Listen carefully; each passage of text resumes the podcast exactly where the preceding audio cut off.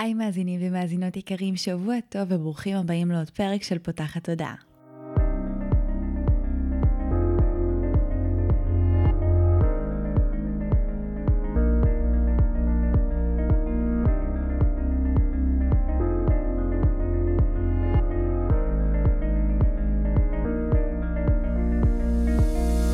הפעם הראשונה שלכם כאן, פותחת הודעה היא תוכנית שנועדה להעביר רעיונות, לאתגר תפיסות קיימות ולפתוח את צורת החשיבה האוטומטית שנהוגה אצל כולנו לכל מיני כיוונים חדשים, במטרה להכניס לחיים שלנו יותר כלילות, שלווה, זרימה, אהבה, קרבה וחופש, גם במערכת היחסים שלנו עם עצמנו וגם במערכות יחסים נוספות. אני ניצן אלפסי, אני מנחה של הפודקאסט הזה, ואני מאמנת תודעתית ומלווה תהליכי העצמה אישית בעזרת כלים מעולמות התמודע, האנרגיה והרוח. ובפודקאסט הזה אני גם מראיינת וגם מדברת בעצמי על נושאים שמעניינים אותי, מסקרנים אותי, ואני חושבת שהם בעלי ערך וחייבים להגיע גם לאוזניים שלכם. בפרק שלנו השבוע אירחתי את עינב לוי, שהיא מייסדת קודם כל את, בית להתפתחות נשית, ויוצרת קלפי נשים גלויות. ישבנו לשיחה מרתקת על ריפוי בין דורי, מה זה אומר, מה המשמעות של זה, למה זה חשוב, אה, ואיך זה משפיע עלינו. זה נושא ככה מאוד מעניין ומאוד לא שגרתי לדבר עליו. שיח שהוא מאוד פותח תודעה, אז אנחנו ממש מקוות שתאהבו ותהנו מהפרק הזה, וכמובן שאם הפקתם ממנו ערך, אנחנו ממש נשמח שתשתפו אותו בכל דרך שתבחרו כדי שהוא יגיע לאוזניים הנכונות. הנכונות שצריכות לשמוע אותו, שתהיה לכם האזנה נעימה. תסתכלי רגע על אימא שלך, ועכשיו עלייך, ועכשיו שוב על אימא שלך, ותביאי לדמיונך גם את סבתא, אימא של אימא. תסתכלי עליהן מהצד, ועכשיו עלייך, כן, גם מהצד. את שומעת? אני רוצה לומר לך משהו, אחות. את לא חייבת לסחוב על שתי כתפייך את המסע שהונח עליהן, שאינו שלך. את לא צריכה להתרחק מנשות השבט שלך, רק כדי לא להיות דומה להן. כי הרי בכל התרחקות מחלק מתוכן, תמצאי את עצמך בתוכו, בדמיון שמוציא אותך מדעתך. אין לך צורך לשחזר את ההיסטוריה הבין-דורית שלך, בטח אם היא לא מקדמת אותך. קחי לך רגע להתבונן מהצד וזכרי, יש לך יכולת מופלאה של זכות הבחירה. כי בחירה מחדש יכולה להשיל מעלייך את מסע אמהותייך, ולתת לך חוויה ראשונית של מרפאת השושלת הבין-דורית. האישה שאת הופכת להיות, בת הזוג שאת מבקשת להיות, האימא שאת כמהה להיות, כל אלו יכולים להיות אחרים ממה שהכרת, אם רק תשכילי לבחור בך מחדש. ולפעמים, אם את לא עוצרת לבחור, את עלולה להיות במרדף של רק לא להיות כמו. ובטעות את עלולה למצוא אותך בדיוק כמו אמך, ממש כמו הורייך. מביאה אותם לביתך שלך שבנית במו ידייך ומשחזרת אותם. זכרי, יש לך זכות בחירה להיות המרפא של השושלת האהובה שלך, שלא ידעה אחרת, ובכך את מרפאה גם את בנותייך שיבואו אחרייך. שלום עינב. שלום. אז החלטנו לפתוח uh, באמת uh, בקטע הזה, יפהפה שלך, uh, כדי ליצר איזושהי הקדמה לנושא שאנחנו הולכות לדבר עליו, שהוא נושא גדול, משמעותי וחשוב של ריפוי השושלת הבין-דורית שלנו. אז אולי נתחיל רגע מלהסביר מה זה שושלת בין-דורית, ואיך ההשפעות שלה באות לידי ביטוי בחיים שלנו, ולמה אנחנו רוצות בכלל לרפא אותה. אוקיי. Okay. הרבה פעמים אנחנו חווים את עצמנו כאן כאינדיבידואל, כבן אדם אחד שחי פה, אנחנו יודעים אה, שיש לנו משפחה, אנחנו חלק ממנה, אבל אנחנו לא תופסים את עצמנו כחלק, כחלק משרשרת בין-דורית ארוכה מאוד, קדימה ואחורה. בעיקר אחורה, כי הקדימה עוד, ככה, עוד דור, שניים, שלושה, אבל, אה, אבל בעיקר אחורה. ואנחנו כאן חיים את החיים שלנו כחלק משרשרת בין-דורית ארוכה. אני פה בת לאימא שלי, שהיא בת לאימא שלה, שהיא בת גם לאימא שלה, של הסבתות העתיקות, של האימהות שלנו, העתיקות ביותר, באמת, מזמן התנ"ך מבחינתי חווה, אוקיי? עד חווה. אה, ואנחנו חלק פה מאיזושהי שרשרת שגם מביאה ילדים וממשיכה הלאה והלאה והלאה. וכדי שאנחנו נוכל לחיות את החיים שלנו כאן בשלום והרמוניה עם עצמנו, אני רואה את זה ככה שאנחנו גם חייבות לראות את עצמנו כחלק מהשרשרת הזו, שאליה אני רוצה להביא הרמוניה וריפוי, לא רק אליי כאינדיבידואל פה, אלא גם אחורנית בדורות שלי וקדימה בדורות שהגיעו ועדיין לא הגיעו. וואו, וכשאנחנו אומרות שאנחנו רוצות אה, להביא את הריפוי הזה, מה בעצם אנחנו רוצות לרפא? על איזה דברים אנחנו רוצות בכלל להתבונן כשאנחנו מתחילות אה, לשאול מה, מה עבר עליי בשושלת הדורית? אולי לתת גם קצת אה, דוגמאות לדברים שעוברים ואיך הם משפיעים עלינו, כי אני חושבת ש... כאילו אנשים מבינים שיש השפעות, וגם בסוף מי שמאזין לפודקאסט הזה מכיר אותי ואת העשייה שלי שהיא מתעסקת בסוף בתת המודע שלנו, בתת המודע, אה, הוא מושפע מגילי ילדות ודברים שבאמת למדנו מהורים, וכן גם יש אה, נגיעה וזיקה לדברים שעברו קצת בצורה מורכבת יותר ברמה, אפשר להסתכל על הנשמתית, הגנטית, אה, אבל לא תמיד אנחנו קולטים כמה השפעה יש למטען הזה. אז אולי רגע שבאמת נסביר מה זה הדברים האלה שאנחנו סוחבות ורוצות לרפא. הדברים שאנחנו סוחבות ואנחנו רוצות לרפא הם אותם חלקים בתוכנו שכמו, אפשר לדמיין את זה כמו הניחו לנו על הכתפיים שלנו.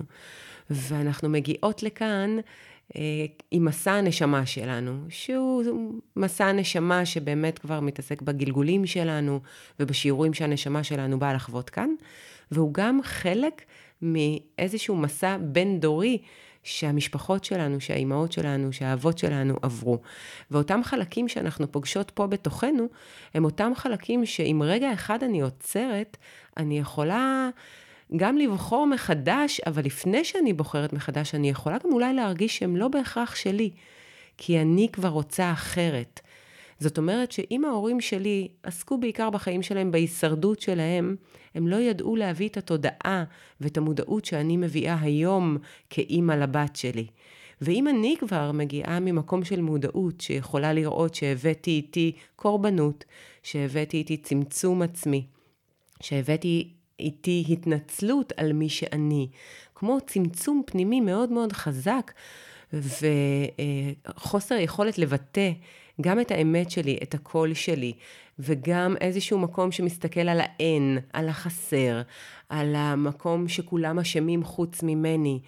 ופתאום רגע אחד לעצור ולהגיד, רגע, זה מה שאני רוצה עבור הבת שלי? ככה בעצם, אם אני הדבר הזה, אם אני כל החלקים האלה, בעצם הבת שלי הופכת להיות עם מטען, כמו, כמו תיק שאני מניחה לה על הכתפיים, מבלי שהיא יודעת אפילו. היא אפילו עוד לא יודעת את זה, כמו שאני לא ידעתי שהניחו לי על הכתפיים שלי. ואני לא מדברת מתוך אשמה, אני מדברת מתוך לקיחת אחריות. כי ככה ההורים שלי ידעו, כי ככה גם הם גדלו עם ההורים שלהם. אבל יש משהו בדור שלנו היום שכבר יודע אחרת. ואנחנו כל כך יכולים לראות את זה כשאנחנו מסתכלים מסביב. איפה בזמן של ההורים שלנו היו כל כך הרבה ריטריטים, וכל כך הרבה סדנאות, וכל כך הרבה טיפולים, וכל כך הרבה תחומים של התת-מודע, של המודע, של ה... אין סוף מודעות שמגיעה אלינו היום. והיא מגיעה אלינו היום לא סתם, כי אנחנו נמצאים בשלב בשרשרת הבין-דורית שלנו, שאנחנו יכולים לעשות שינוי. ואנחנו לא רק יכולים, אנחנו מבחינתי, זה ממש כמו חובה להביא את השינוי הזה היום. אני רוצה רגע שנחזור כדי למשפט הזה שאמרת, כאילו שאנחנו יכולים כמו להיפרד או לשחרר דברים אה, שהם לא שלנו. ואני חושבת שההתבוננות הזו היא טריקית, כי הרבה פעמים אני חושבת שהדבר הזה שאנחנו סוחבות, בדיוק כמו שאמרת, שהבת שלך עוד לא יודעת שהיא סוחבת, אנחנו נורא מזדהים איתם כמשהו שהוא חלק ממי שאנחנו, ונורא קשה לנו לשים את האצבע ולהגיד, רגע, זה, זה לא שלי. עכשיו, כשמצליחים לעשות את זה, זה מאוד משחרר, כי זה מאוד מרגיע לדעת שאני בסך הכל סוחבת מטען ש... אה, לא, לא נשאלתי אם אני רוצה לסחוב אותו, אבל הוא פשוט כאן, אבל הוא גם לא מי שאני, אז אני יכולה גם להשתחרר ממנו. אבל בגלל ההזדהות היתרה הזו איתו, המון פעמים קשה לבוא ולעשות את ההפרדה ולהגיד, רגע, זה, זה לא שלי הדבר הזה, אני כבר לא חייבת אה, לסחוב אותו, אז האם יש לך איזושהי אה, הצעה לדרך, איך אני בכלל יכולה להתחיל מלזהות מה, מה שלי, מה אני סוחבת, מה, מה באמת הוא, הוא איזשהו מטען כזה שהולך איתי, ו... כי הגבולות מאוד מטושטשים. נכון, יחד עם זאת, יש את החלקים שכשאנחנו חיות בתוך עצמנו, לא נעים לנו בתוכנו להיות החלק הזה. אנחנו יודעות איזה חלקים גם אם אנחנו בהזדהות איתם, אנחנו יכולות להרגיש איזה חלקים כמו מפרים את ההרמוניה הפנימית שלנו, את השלום הפנימי שלנו, את האהבה שלנו לעצמנו, את האהבה שלנו לעולם. אני יכולה להתחיל בעזרת המודעות שאני מפתחת בשלב הזה בחיים שלי, את אותם חלקים, רגע לשאול, איזה חלקים יש שהם חלק ממני? וזה בסדר שהם חלק ממני, כי ככה ידעתי עד היום, אבל איזה חלקים, ברגע שאני עוצרת, אני יכולה לזהות שהם כבר לא משרתים אותי, לא נעימים לי. לא בא לי להיות קורבנית.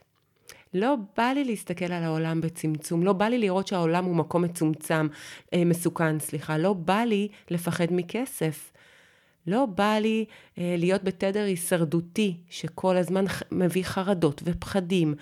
ואם רגע אחד אני עוצרת, ואני שואלת איזה חלקים בתוכי, הם חלק ממני, אבל הם כבר לא משרתים אותי, אז אני יכולה כבר לעשות רגע עבודה של התבוננות אחורה.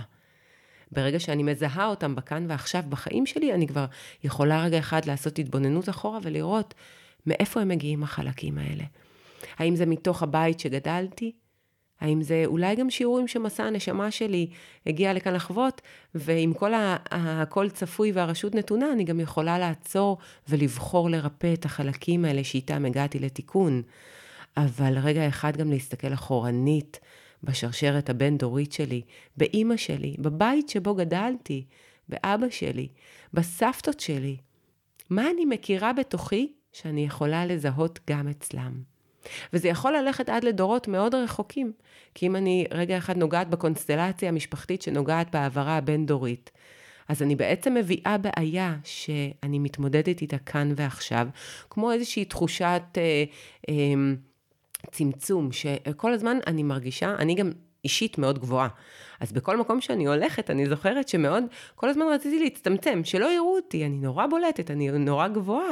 והתחושת צורך בצמצום הזאת, היא, בעצם כל הזמן כמו, כמו שיחכה על האור שלי, היא, היא לא נתנה לאור שלי באמת לצאת. אי אפשר גם לצמצם את האור שלי וגם לרצות שהוא יזהר.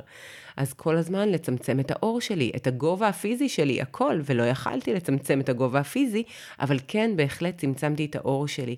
ואם אני רגע אחד מסתכלת אחורנית בדורות שלי, אני שואלת, מי מאחוריי, בדורות מאחוריי, היה צריך לצמצם את האור שלו? אז אם אני מגיעה בקונסטלציה משפחתית לזהות שבשואה אה, סבתא שלי אה, וסבתא שלה אה, היו צריכות בעצם להצטמצם, להתחבא, כל הזמן להימלט, הם לא יכלו להתהלך בביטחון עם מי שהם, וכל הזמן הנראות שלהם איימה עליהם, אז אני רגע אחד מביאה בכלל הכרה במקום המצומצם הבין-דורי הזה, שאימא שלי כבר נולדה לתוכו. ורק ידעה לצמצם את עצמה עוד ועוד, אם זה מול החיים, אם זה מול המקום התעסוקתי שלה, שהיא לא יצאה לעבוד, אם זה המקום, אה, הביטוי שלה, שהיא הייתה צריכה לצמצם אותו. זה הרבה מאוד דברים, שבעצם היום, כשאני רואה אותי, אני מסתכלת על הבת שלי ואומרת, אני לא רוצה שהיא תצמצם את עצמה, אבל איך אני מראה לה שזה בסדר לזהור את האור שלה? אני אזהר את האור שלי. אני רוצה רגע באמת להתעכב על מה שאמרת, אה, על ההעברה הזאת, ואולי מי ששומע את העניין הזה רגע עם השואה, אז שנייה, אז איך זה, איך זה עבר עליה? אז בואי נסביר שנייה איך זה עובר, איך מזה שיש לי אה, סבתא שהייתה צריכה לצמצם את עצמה אה, בגלל איזשהו פחד הישרדותי, אני מגיעה לזה שגם אני מצמצמת את עצמי בדרך אחרת, שונה, בתנאים אחרים, בסביבה אחרת, עם איומים שונים, איך הדבר הזה בעצם קורה? אז בעצם אנחנו גם אה, מקבלים מטען גנטי. שמועבר, הרי התת מודע שלנו נמצא בכל חלק בגוף, הוא לא נמצא רק בראש, הוא לא נמצא רק במוח, הוא בעצם נמצא בכל חלק בגוף, וכל חלק בגוף סופג וסופח אליו אירועים שקרו, וגם העברות בין-דוריות. אנחנו מקבלים באמת מטען גנטי בתאים שלנו, שכבר מוטען גנטית, עם הרבה מאוד דפוסים, הרבה מאוד אה, אמונות, הרבה מאוד שריטות, כאלה ששרטו את, ה, את, ה, את התאים, אבל הן עוברות אלינו.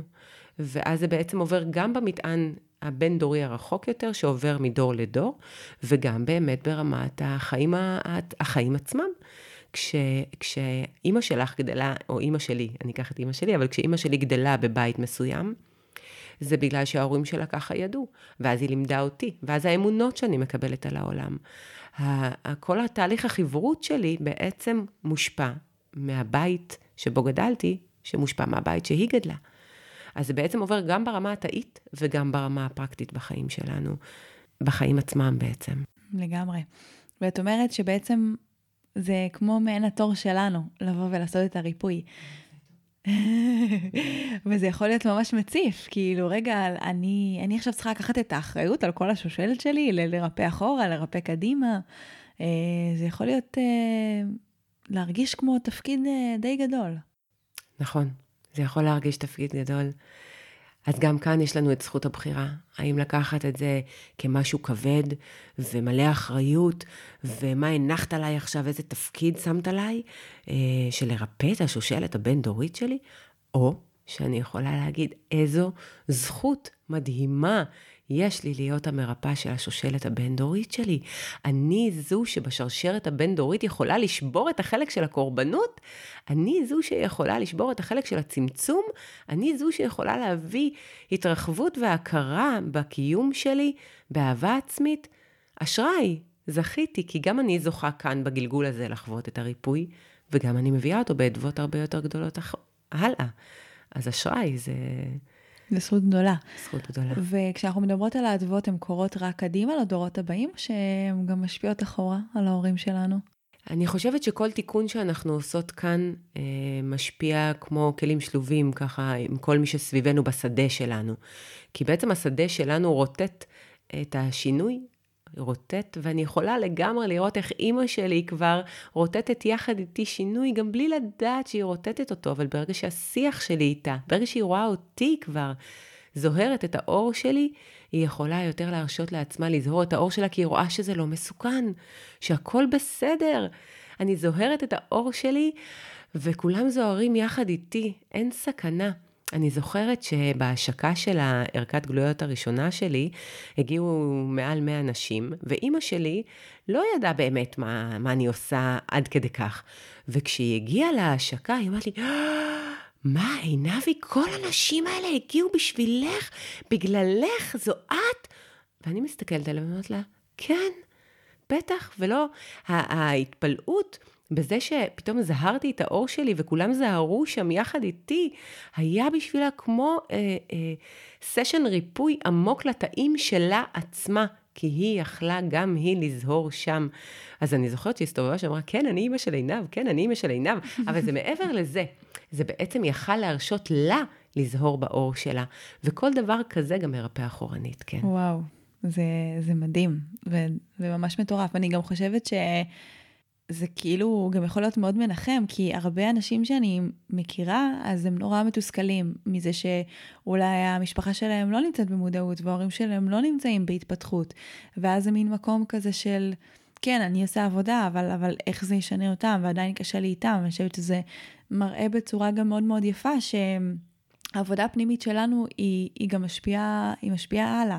ובאמת, כמו שדיברת על העניין הזה, זה, זה כמו מעין נותן רשות, וגם אני מכירה את זה בתוך הבית שלי והחוויות שלי, שכשאני יותר הרשיתי לעצמי אה, להציב גבולות, לעמוד על שלי, להיות יותר במקום של כזה, אני עכשיו עושה מה שטוב לי, אה, זה גם נתן סוג של רשות לסביבה שלי גם. עכשיו, זה יכל גם לעבור, או יותר נכון זה עבר, דרך גם התנגדות בהתחלה, וזה חשוב גם להגיד גם את זה, שלפעמים אה, הריפוי שלנו הוא ילחץ מאוד כואב על הנקודות האלה של אותם אנשים, כי הם, הרי מתמודדים עם אותם שיעורים ועם אותם קונפליקטים, וזה בסדר אם, אם בהתחלה גם הדבר הראשוני שזה יציף אה, בסביבה הקרובה שלי זה, זה כעס ו, ו, ואשמה והרבה רגשות קשים, כי זה לשים מראה מאוד כואבת אה, לאותם אנשים, אבל...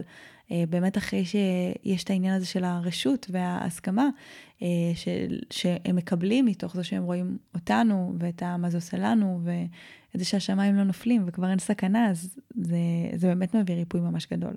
זה גם מביא ריפוי גדול להם, וגם את מכירה את המשפט שאומר, את חושבת שאת מוארת, לכי תגורי שבועיים אצל ההורים. כי בסוף, בסוף, בסוף, אנחנו, גם בכל התהליך שלנו, אנחנו פוגשים את עצמנו מול ההורים שלנו. הם בעצם המראות לא, לאותם חלקים שאנחנו באנו לרפא. אז גם לנו יש את העבודה שלנו בעצם בלהחזיק את הריפוי מול המראות הלא, כמו הקודמים שלנו בדמות ההורים. כי אם אני עכשיו עשיתי עבודה שאני כל היום באהבה עצמית ובהודיה ובשמחה ובהכרת היש, ואני מגיעה הביתה וכל מה שמדברים איתי עליו זה תלונות ומרמור ו- וחוסר וחושך, אני צריכה להחזיק את האור, אני צריכה להחזיק את הלפיד של, ה- של היש בתוכי, ו- ולא להתעצבן עליהם, כי אני גם זוכרת שזה מה שהם יודעים, ככה הם יודעים, אבל ככל שאני אביא את השיח של היש, ככל שאני אביא את השיח של הכרת תודה, אני גם באדוות מאוד מאוד מאוד גדולות משפיעה עליהם. אז uh, לזכור, ככה, כל הזמן להחזיק את הלפיד של האור. ממש, זה משחק כזה. אמ, דיברנו על, ה, על הרגע להיפרד מהחלק הזה, או להיפרד מהמטען והמשקל הזה שאנחנו סוחבות. איך עושים את זה? אוקיי, זיהיתי למשל שיש באמת משהו שאני אה, סוחבת, ו... והוא לא שלי, ויכול להיות שזיהיתי מאיפה זה מגיע מההורים, או עשיתי סשן זרקת על הקונסטלציה המשפחתית, אנחנו נגיד בקצרה שזה שיטה שמאפשרת גם להציף אה, יותר מהחלקים הלא מודעים את המטענים שאנחנו אה, סוחבות. ונניח כבר אני נמצאת בשלב הזה, ואני כבר מבינה למה אני סוחבת, וההבנה היא באמת מאוד משחררת, אבל עדיין החלק הזה נמצא. איך אני בעצם עושה את ההפרדה הזאתי, אה, שהיא לא שלי? איך אני מתמודדת עם הדבר הזה שצף ואני באמת מרפא אותו. האמירה שזה לא שלי, היא לא פותרת מאיתנו את האחריות. זאת אומרת, אני לא אומרת, טוב, זה לא שלי, זה של ההורים שלי, אז אה, וזהו, אלא בזה שאני אומרת זה לא שלי, אני מבינה שבעצם אה, מתוך חמלה עמוקה, אני מסתכלת אחורנית ורואה שכך גדלתי, וכך למדתי, וכך קיבלתי. אז ההבנה שזה לא שלי, זה כמו מאפשר לנו להוציא את החלק הזה רגע, להתבונן עליו. לזהות אותו בין שאר החלקים, אה, ואז כשאני מתבוננת עליו, כל חלק לגופו, יש לו את העבודה שלו. אני יכולה, עבודת קונסטלציה הרבה מאוד פעמים תסדר לנו רגע את הסדר הבין-דורי הנכון, אה, להציף אירועים, ולא תמיד היא תעשה את העבודה, את, את כל עבודת העומק שדרושה כאן ועכשיו. זאת אומרת שהיא כן יכולה בתחושת הצמצום הפנימי שלי להסביר לי מאיפה זה הגיע, כי סתם לדוגמה, מישהו, מישהו במשפחה שלי היה מסוכן עבורו לבלוט, אוקיי? אז אנחנו כן נעשה שם את הסדר בבין-דורי, אבל בכאן ועכשיו עדיין יש לי עבודה, בלהעיז לבלוט, להעיז לזהור את האור שלי. אז בכל חלק שאני מזהה, אני קודם כל מבודדת אותו ושואלת, מה הוא צריך? מה העבודה שנדרשת, אם סתם לדוגמה יש לי הישרדות, איזשהו תדר הישרדותי שקיבלתי, שבו מערכת היחסים שלי עם כסף היא מאוד מאוד מאוד סבוכה ואני מפחדת מכסף, ובאמת אני יכולה לראות בשושלת הבין-דורית שלי הסתבכויות כלכליות אה, וכדומה. אז אני בעצם יושבת כאן ושואלת, מה, מה כרגע החלק הזה של הפחד מהכסף מבקש ממני כדי שאני אוכל לעשות איתו ריפוי. אז uh, להתחיל להתיידד עם הכסף, לעשות סדנאות uh, של שפע, להתחיל בעצם לפרום את הפחד מהכסף, את הפחד ההישרדותי. Um, הגיעה אליי מטופלת עכשיו שהיא בת ש... עוד מעט 60, אימא לשלושה ילדים גדולים כבר, שכל הילדים שלה חווים חרדות ופחדים. Uh, חלק גם ה-OCD, ממש ככה מקרים uh, שמטופלים, והיא בעצמה מעידה על עצמה שהיא חוותה חיים של פחד והישרדות. ירדתי איתה אחורנית, נולדה לאבא אלכוהוליסט, שנולד לאבא אלכוהוליסט, אוקיי? ובעצם כל תדר החיים היו בתדר הישרדותי, בתדר פחד. עכשיו, מה היא בעצם עושה, האישה הזאת? היא קודם כל מזהה שהפחדים והחרדות שהיא מעבירה לילדים שלה, זה בעצם הגיע מאחורה, מה, היא הייתה צריכה לפחד בבית שלה עצמה, אימא שלה גדלה בפחד. אימא שלה גדלה באיום בבית שלה מול אבא. ובעצם גם האימא גדלה בבית הישרדותי. אז אוקיי, אז היא זיהתה שהיא מעבירה פחדים וחרדות הלאה, אז מה היא עושה איתם עכשיו? אז קודם כל להבין שזה לא שלה. זה לא שלה. היא בעצם סוחבת על עצמה תדר הישרדותי של פחדים וחרדות מאוד מאוד קשים מהעבר שלה. אז היא באה לטיפול, אוקיי? אז היא באה לטיפול כדי לעבוד על החרדות, על הפחדים, כדי לדעת שכאן ועכשיו הכל בסדר. היא כבר לא בתדר הישרדותי, כבר כאן ועכשיו הכל בסדר. אז זה כל חלק לגופו. כל חלק אנחנו מזהים אותו, ואנחנו שואלים מה הוא צריך כדי להירפא. ועכשיו איך זה ישפיע על הילדים שלה, כי הם כבר גדולים, אז הרבה פעמים יש כבר את המקום הזה של מתי ה...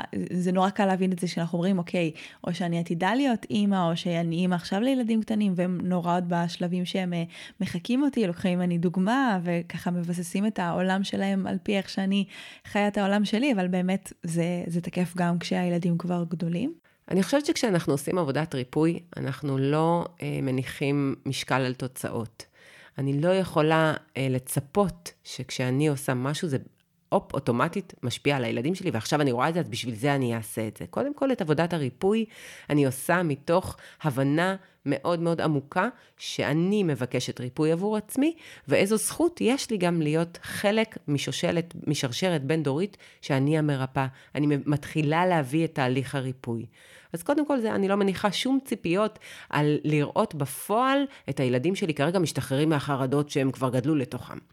אני כן יכולה, קודם כל, לרפא את עצמי, כי כשאני עומדת עם סיגריה ביד, ואני אומרת לילד שלי, אל תעשן, יהיה לי הרבה יותר קשה, מאשר אם אני נגמלתי לפני כבר נקייה, ואני אומרת לו, ילד שלי, עדיף שלא תעשן, זה לא בריא. זאת אומרת, יש לי כבר יכולת הרבה יותר, זכות הרבה יותר גדולה לבוא ולהגיד לו, אל תעשן, מאשר אם אני עומדת עכשיו עם סיגריה. אז כל עוד היא עם פחדים וחרדות בעצמה, והיא כל הזמן מנכיחה את זה בבית, גם כשהם גדולים, זה לא משנה בכלל, קשה להגיד להם, תירפאו, לכו. ת, ת, כי הם חוזרים בסוף, הם פוגשים את זה שוב.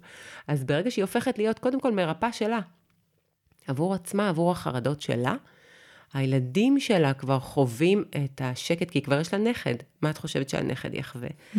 הנכד לא יחווה רטט של uh, שמחה ושקט ושלווה וביטחון.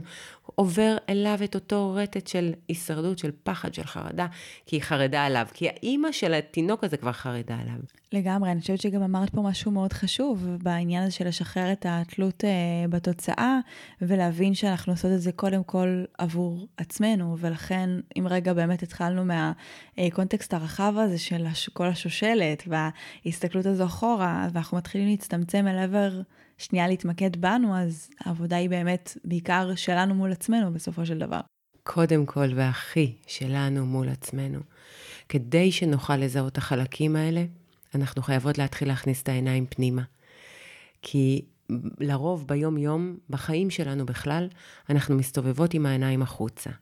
אנחנו בעצם מאוד מאוד מאוד במושפעות חיצונית, מאוד מאוד מושפעות מהסביבה שלנו, כל הזמן מציבות מטרות חיצוניות, משיגות.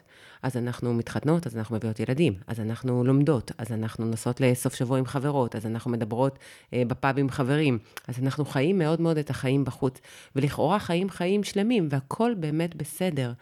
אבל הכניסה של העיניים שלנו פנימה, בקושי, בקושי מתרחשת. ואז כשאני אומרת, תזהו את החלק הזה שאתן סוחבות על עצמכן, שאינו שלכן, בד בבד אני אומרת, רגע, קודם כל, צריך להכניס את העיניים פנימה, צריך להתחיל לפתח מערכת יחסים של הקשבה והיכרות שלי עם עצמי ועם כל החלקים שבי, כדי שאני אוכל לזהות את החלקים שמפעילים אותי. והשלב, זה כמו משפך, עברנו מהקונטקסט הרחב, בואי נעבור רגע פנימה, לתוכנו, כדי שאני אזהה את החלקים שפועלים בי. אני רוצה להכניס את העיניים שלי פנימה. אני רוצה לפחות פעם ביום, לשאול אותי, עינב, מה שלומך? מה שלומך? איך את מרגישה? אני רוצה להסתכל במראה ולזהות את העיניים שמתבוננות עליי. לדעת שאני איתך עם זאת שבמראה. את לא לבד, אני איתך. אנחנו ביחד. אני רוצה להיות כמו עלי מקביל. את יודעת מי זאת טלי מקביל? זו פעם הייתה סדרה של עורכת אה, דין כזאת, שכל המחשבות שלה, כל הזמן הושמעו בקול, והיא כאילו דיברה עם עצמה כל היום, הייתה כמו נוירוטית, אבל זה אחד הדברים הכי מדהימים בעולם, כי בעצם אני רוצה להתחיל לדבר עם עצמי. לא מזמן שמתי, עכשיו לפני יומיים או שלושה שמתי פוסט בפייסבוק, שרגע ממחיש מה זה אומר להכיר את עצמי. להכיר את עצמי זה ככה, הלכתי עם הילדים שלי למסעדה, והרגשתי שכל העיניים מופנות אליי. לא כל העיניים, אבל שאנשים מסתכלים עליי וככה מניחים עליי מבטים. הלכנו והתיישבנו במקום שלנו, באיזשהו שלב הייתי צריכה לשירותים, קמתי לשירותים, אני חוזרת שוב, כל המבט, כאילו אני רואה מלא אנשים מסתכלים. זיהיתי באונליין, בגלל שהעיניים שלי גם היו חיצוניות, הסתכלתי על כל האנשים, אבל התבוננתי פנימה. אני בקשר מאוד מאוד חזק כבר עם הקולות בתוכי ועם כל מה שקורה בתוכי, ובאותה שנייה זיהיתי את הקול הזה שאומר, מה לא בסדר בי? למה הם מסתכלים עליי? מה עשיתי לא בסדר? מה, מה, מה קופץ לי שיער? אני... ואיך הקול הפנימי אומר לי, עיניו תצטמצמי ולכי מהר למקום שלך, שבי, שבי. ואז כשזיהיתי את הקול הפנימי הזה, כי אני כבר בקשר מאוד מאוד קרוב אליי, יכלתי להגיד לעצמי, עינב, הם מסתכלים עלייך כי את יפה. ובאותו רגע נהיה שקט בתוכי. כי זיהיתי איך בקלות אני יכולה לפרש את זה כנגדי, אבל אם אני מפתחת מערכת חברות שלי עם עצמי, אז אני יכולה גם להיות בעדי. ואז אני יכולה לזהות את החלק של הצמצום הזה שאני כבר מכירה, כבר שנים אני רוצה להיות יותר נמוכה, כבר אמרתי לכם, אחלה, אני כבר לא רוצה להיות יותר נמוכה, אבל שנים רציתי. אז יכלתי לזהות את החלק של הצמצום ולתת לו מענה. אבל כדי שהזיהוי של החלקים שאני סוחבת על עצמי יבואו לידי ריפוי, אני רוצה לפתח מערכת יחסים מאוד קרובה עם עצמי. אני רוצה לשמוע ולהכיר את כל השדים שעולים בתוכי בלי לפחד. אני רוצה להכיר את כל המחסומים שחוסמים אותי מלחיות את החיים שלי, כמו שאני באמת רוצה. איך אני עושה את זה בעינייך? איך, איך מתחילים? אז אמרתי, קודם כל, זו הכרה בזה שאת חיה בתוך עצמך. שלום, נעים מאוד. כל יום את הולכת לישון איתך, כל בוקר את קמה איתך. תיזכרי קודם כל בדבר הפשוט הזה. יש את כולם מסביב, אבל יש אותך. אז ברגע שאני קודם כל זוכרת שאני איתי, אני יודעת שאני הכי טובה כשטוב לי, נהדר. עכשיו אני רוצה להתחיל לעבוד. ואני רוצה לשאול את עצמי ביום-יום שלי, אמרתי כבר, קודם כל כמה שאלות פשוטות. מה שלומך? איך קמת היום בבוקר? מי את בוחרת להיות היום? מה את רוצה? אני רוצה להתחיל לפתח שיח פנימי בכלל. אני רוצה לעשות כתיבה אינטואיטיבית. אני רוצה לכתוב את כל מה שמתרחש בתוכי וקורה לי. אני רוצה לעשות ממש כתיבה של כל התחושות שלי. קורה לי משהו, עובר בתוכי משהו, אני חושבת על משהו, לא משנה מה. סדנה מאוד חזקה שאני עושה, דרך אגב, זה הדבר שלא נאמר, או הצעקה שלא נצעקה. כי זה עוד משהו, למשל, שחי בתוכנו, ואנחנו מנותקות ממנו. כמה דברים בחיים שלך רצית להגיד לאנשים, ולא אמרת. כמה פעמים יש בתוכך צעקה שהייתה צריכה להצעק ולא נצעקה. אני רוצה להתחיל להכיר רגע, בכלל להכניס את העיניים הפנימי, החיצוניות שלי פנימה, ולדעת שאני חיה בתוך החללית הזאת שנקראת הגוף, אבל אני רוצה להתחיל להכיר את כל מה שמתחולל בבפנים שלו, בעומקים שלו. אז אני מתחילה לשאול את עצמי שאלות. מה בא לך? מה בא לך? לא מה את צריכה. מה בא לך לעשות היום? מה בא לך לעשות עכשיו? מה בא לך שיקרה? אוקיי? אני מתחילה רגע לפתח שיח פנימי. אני רוצה לשאול, נעים לך? מה לא נעים לך? כשאת מכווצת, אני רוצה להתחיל להקשיב לגוף שלי. הגוף שלי הוא הסמן הכי טוב בשבילי. אם אני עושה משהו שאני באה לרצות, מצטמצם לי משהו שם בפנים, מתכווץ לי, שריר בגוף מתכווץ לי. אני רוצה להתחיל לזהות סימנים מהגוף שלי. זאת אומרת, כל מה שאני מדברת עליו כרגע, זה להתחיל לפתח תקשורת ראשונית שלי עם עצמי. בתוך הגוף שאני חיה בו, בתוך הנשמה שחיה בתוכו, ואז אני יכולה להתחיל לזהות בכלל איזה חלקים פועלים בתוכי, ומה אני רוצה לשחרר. אז דיברנו מרמת uh, המקרו לרמת המיקרו, ובואי רגע ניתן אולי כמה דוגמאות כדי שזה יהיה ברור איך זה בעצם uh, קורה מקצה לקצה. איזה דוגמאות יש לנו לדברים שנצרבו ברמת השושלת, ומשם איך אנחנו מורידות אותם עד רמת העבודה העצמית וההשפעה שלהם קדימה. אוקיי, okay, אז בעצם אני, כמו שאמרנו, אם אני מבינה נכון רגע את השאלה, אני רוצה לבדוק שהבנתי נכון את השאלה.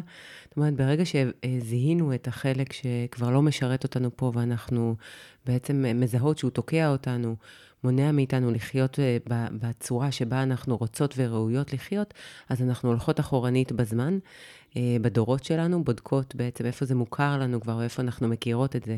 לפחות מהדורות הקרובים שאנחנו אה, מכירות, כי בדרך כלל יהיה לנו יותר קשה ללכת אחורנית ממש. בזמן, אבל למשל, אני יודעת שאם אני פה חווה איזושהי, אני אתן לך דוגמה למקרה שקרה של תחושת, אה, מישהי הסתובבה כל החיים שלה עם תחושת פספוס, לא משנה מה היא עשתה, לא משנה מה היא השיגה, תמיד היה שם איזושהי תחושת פספוס, לא משנה עם איזה בן זוג היא הייתה, תמיד הרגישה תחושת פספוס, ובעצם נצרבה בה איזושהי אה, תחוש... אה, אה, תחושת פספוס, שלא משנה לאן היא פנתה, באמת הייתה שם את התחושה הזאת.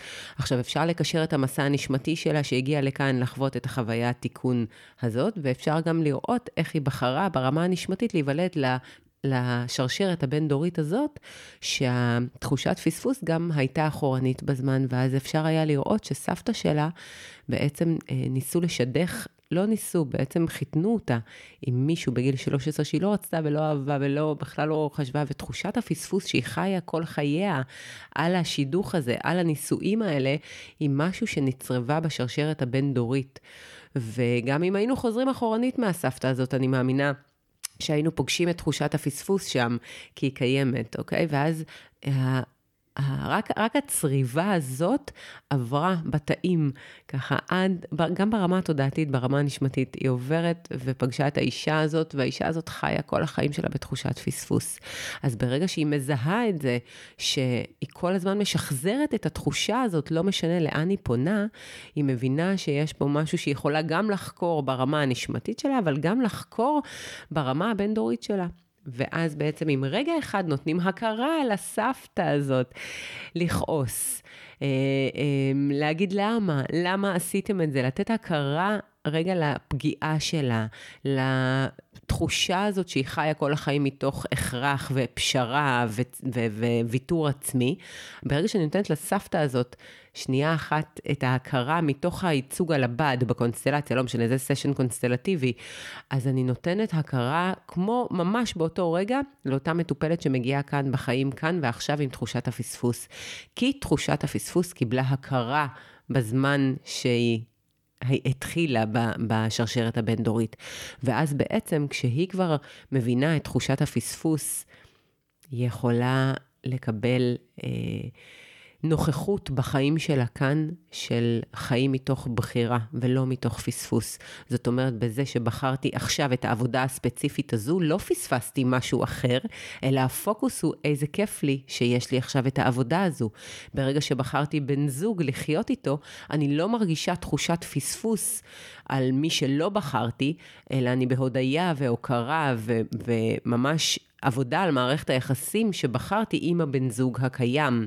זאת אומרת, הפוקוס של חוויית החיים הופך להיות מפספוס להכרה והודיה בקיים, שזה באמת שינוי מסלול חיים מבחינתי, מסלול נשמה שמגיע. אז, אה, ואיך זה יכול הלאה להשפיע? בזה שהיא מודה ומוקירה על הקיים, מסתכלת על היש, היא כבר מעבירה לילדים שלה את הריפוי. אוקיי? כבר הילדים שלה מקבלים אימא שיודעת ללמד אותם בשפה שלה את היש ואת הקיים. אז אם הם לא אכלו, אם נתנה להם לבחור בין פיצה לפסטה, הם לא ירגישו פספוס בזה שהם בחרו פיצה, אלא הם יגידו, יש, איזה כיף לנו, אנחנו אוכלים היום פיצה, ברמה הכי פשוטה. לא מה פספסנו, אלא מה הרווחנו. אני חושבת שזה גם מדהים לראות איך ההקשרים פועלים ביחד, זאת אומרת, דיברת על זה שזה גם בחירת הנשמה וזה גם בסוף בגלל שהנשמה בחרה את ה, בעצם את השיעור הזה, את ההתמודדות הזו, אז היא גם בחרה שושלת, שזה הסיפור שהיא סוחבת, וגם על כמה זה עובר אה, ברמת התודעה, כי התודעה המשפחתית שלנו היא, היא משהו שהוא עובר גם במעשים שלנו, אבל גם פשוט מעצם תודעה זה משהו מופשט בסופו של דבר, אה, וזה עובר רק מעצם הנוכחות וה, וה, וה, והקשר הזה, וגם במה שדיברת על ההעברה הזו בין התאים היא, היא, היא מאוד מאוד משמעותית, וכשאנחנו מצליחים להסתכל על כל הערוצים האלה ביחד, אז זה גם הופך את זה להיות הרבה יותר אה, אה, ברור ומובן גם ברמת השיעורים שלנו, לפעמים את יודעת, זה נורא מתסכל להגיד למה אני משחזרת את זה, או למה זה חוזר לחיים שלי שוב ושוב ושוב, וכשאני מבינה שיש פה איזשהו משהו גם נשמתי, אבל גם שושלתי, אני חושבת שזה גם עוזר קצת להוציא מהמקום הזה הקורבני או של הקושי ולהגיע למצב של כזה, אוקיי, יש לי פה באמת הזדמנות ל, לרפא את זה לכל הכיוונים.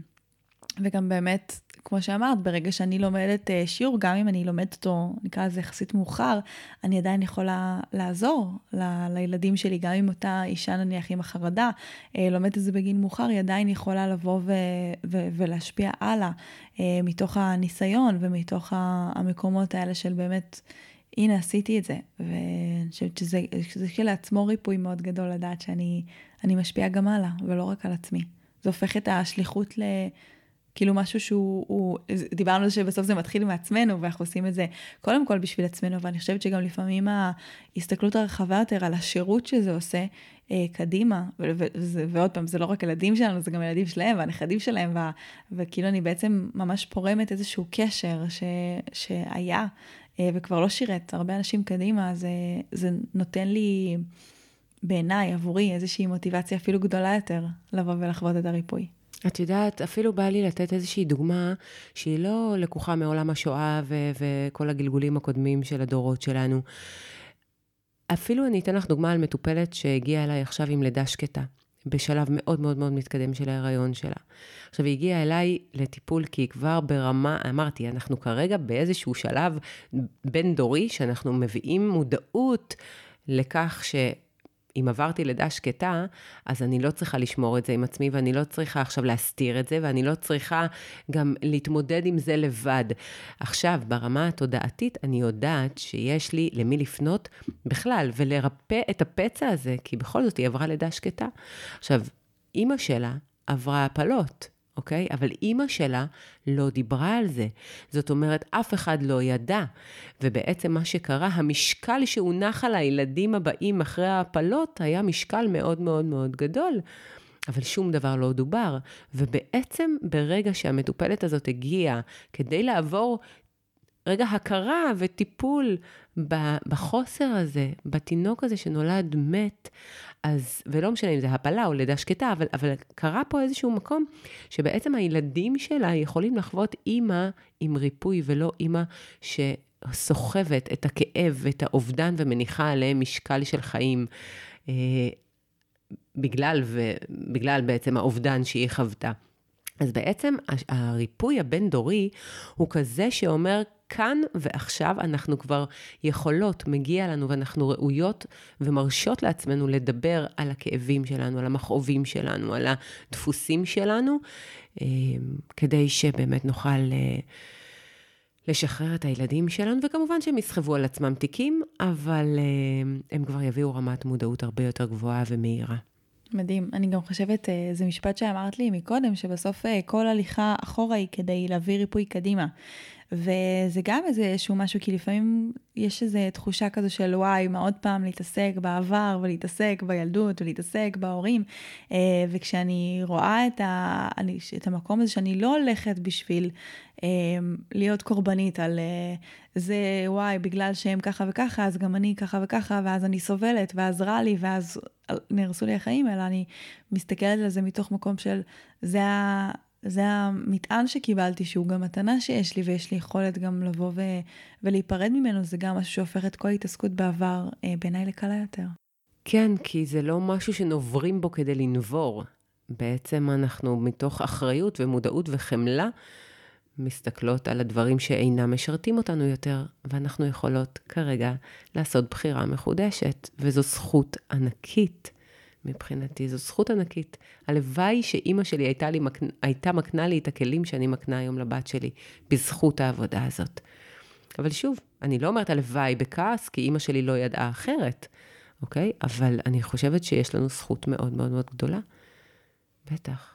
לגמרי. ואולי באמת עם, ה, עם המקום הזה של הזכות, אה, אנחנו גם נסיים ולזכור בעיקר שאת כל הדבר הזה אנחנו עושים ועושות מזכות מאוד גדולה, מיכולת uh, לרפא, ודרך ההתבוננות הזו אנחנו גם משחררות קודם כל את עצמנו, שזה דבר משמח, כי זה דברים שמעכבים ותוקעים, uh, ואנחנו גם נותנות uh, את הטובות uh, של זה קדימה. ו... איזה כיף שאנחנו בתפקיד כזה חשוב ושאנחנו חיות וחיים בעידן כזה, אה, שלנו ניתנו המודעות ולנו ניתנו הכלים ולנו, זה, זה התור שלנו.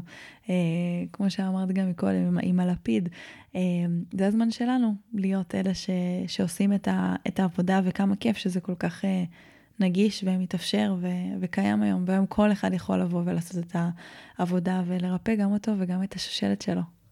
נכון. זה ממש כמו מעין קריאה לכולם להיות המרפאים של עצמם קודם כל, ושל השושלת הבין-דורית, כי זו זכות וחסד לחיות מתוך שלום פנימי שבסוף מופץ החוצה. לגמרי. תודה רבה, עינב. תודה, ניצן. אז אם אנחנו רוצים לסכם את הפרק הממש חשוב הזה עם עינב, הנה כמה דברים שאנחנו יכולים uh, לעשות. אז בתור התחלה דיברנו על uh, להתבונן, איזה חלק בתוכנו לא משרת אותנו, תוקע אותנו, ולהתחיל לחקור מאיפה הוא מגיע. איפה ראיתי את זה אצל ההורים שלי, או אצל הסבים והסבתות שלי. אה, מה ראיתי שם? ממש להתבונן על כל מיני קשרים, על הקשרים, על השיעורים שלהם, על ההתמודדויות שלהם, על הדברים שהם עשו או לא עשו, על החוויות שלהם, ולראות איפה זה אולי מתקשר אה, לאותו חלק בתוכי, לאותו דבר אה, שאני מרגיש או מרגישה תקועים אה, או תקועות לגביו. אה, דיברנו על זה שהריפוי הזה משפיע גם קדימה וגם אחורה, ולכן יש לנו אה, אחריות, אבל היא גם זכות, לא לקחת את זה למקום. של וואו, איזה משקל כבד יש לי על הכתפיים, אלא על איזה זכות יש לי, ענקית, לבוא ו- ולרפא. ודיברנו על זה שבזכות העבודה שאנחנו עושים, לילדים שלנו יהיה פחות עבודה, ונוכל להקל על המשקל שהם אה, יקבלו, וגם הילדים שלהם, והילדים שלהם והילדים שלהם, אבל גם על זה שהרבה פעמים ההורים שלנו אפילו יוכלו להיות מושפעים מהתיקון הזה שאנחנו נעשה, וברשות שאנחנו נותנים לעצמנו לעשות כל מיני דברים, ובאישור ובהכרה, אנחנו גם נותנים להם הכרה וגם נותנים להם אישור. רואה שהדבר הזה הוא מאוד מרפא גם עבורם.